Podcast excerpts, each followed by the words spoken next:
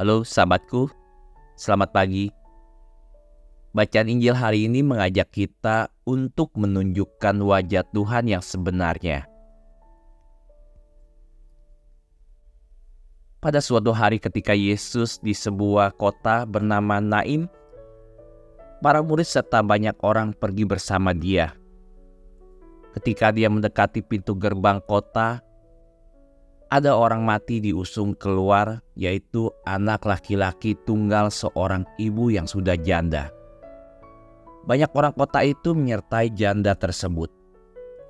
Melihat janda itu tergerak hati Tuhan oleh belas kasihan, lalu Tuhan berkata kepadanya, "Jangan menangis."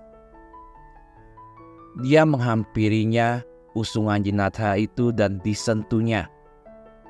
Maka para pengusung berhenti Tuhan berkata, "Hai pemuda, aku berkata kepadamu, bangkitlah."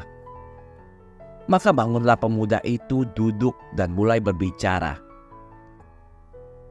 Yesus lalu menyerahkannya kepada ibunya. Semua orang itu ketakutan dan mereka memuliakan Allah sambil berkata, Seorang nabi besar telah muncul di tengah-tengah kita dan Allah telah mengunjungi umatnya. Sahabat, Tuhan pasti telah mengunjungi umatnya. Itu seperti kunjungan biasa. Dia datang ke kota tepat pada saat dia dibutuhkan. Dalam Injil menulis melihat penderitaan janda itu tergeraklah hati Yesus oleh belas kasihan padanya dan berkata kepadanya, "Jangan menangis." Sebelum ada yang meminta bantuan, Yesus telah membangkitkan pemuda itu. Yesus adalah gambaran Tuhan yang sebenarnya, gambaran Tuhan yang sempurna, Tuhan yang Maha Pengasih, Tuhan yang penuh belas kasihan, Tuhan yang penyayang, melebihi dari sekedar hakim.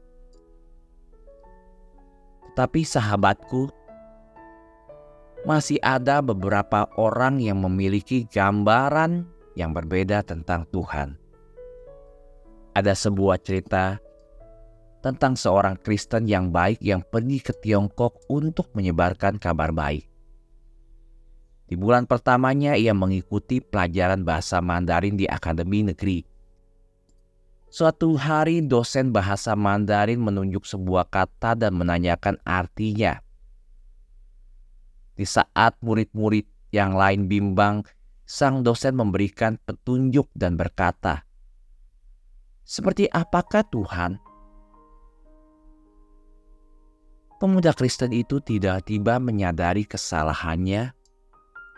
Awalnya dia berpikir kata penghukuman, Sebelum ada yang bisa menjawab, pemuda Kristen itu meminta bantuan malaikat pelindungnya dan mencoba mencari kata yang ada dalam pikirannya di kamus. Ia segera menemukan dan menunjukkan kepada gurunya. Penyayang, kita mempunyai misi untuk menyebarkan gambaran nyata Tuhan kita.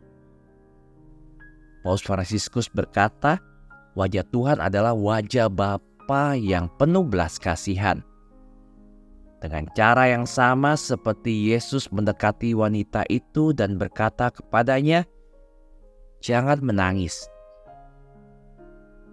Ia semakin dekat dengan kita di saat-saat penderitaan, dia selalu lebih dekat dari sebelumnya.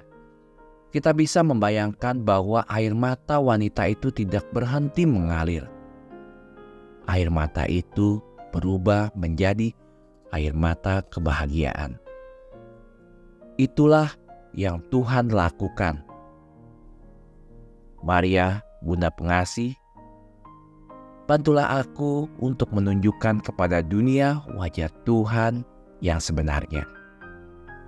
Bunda Maria harapan kita dan tata kebijaksanaan, doakanlah kami.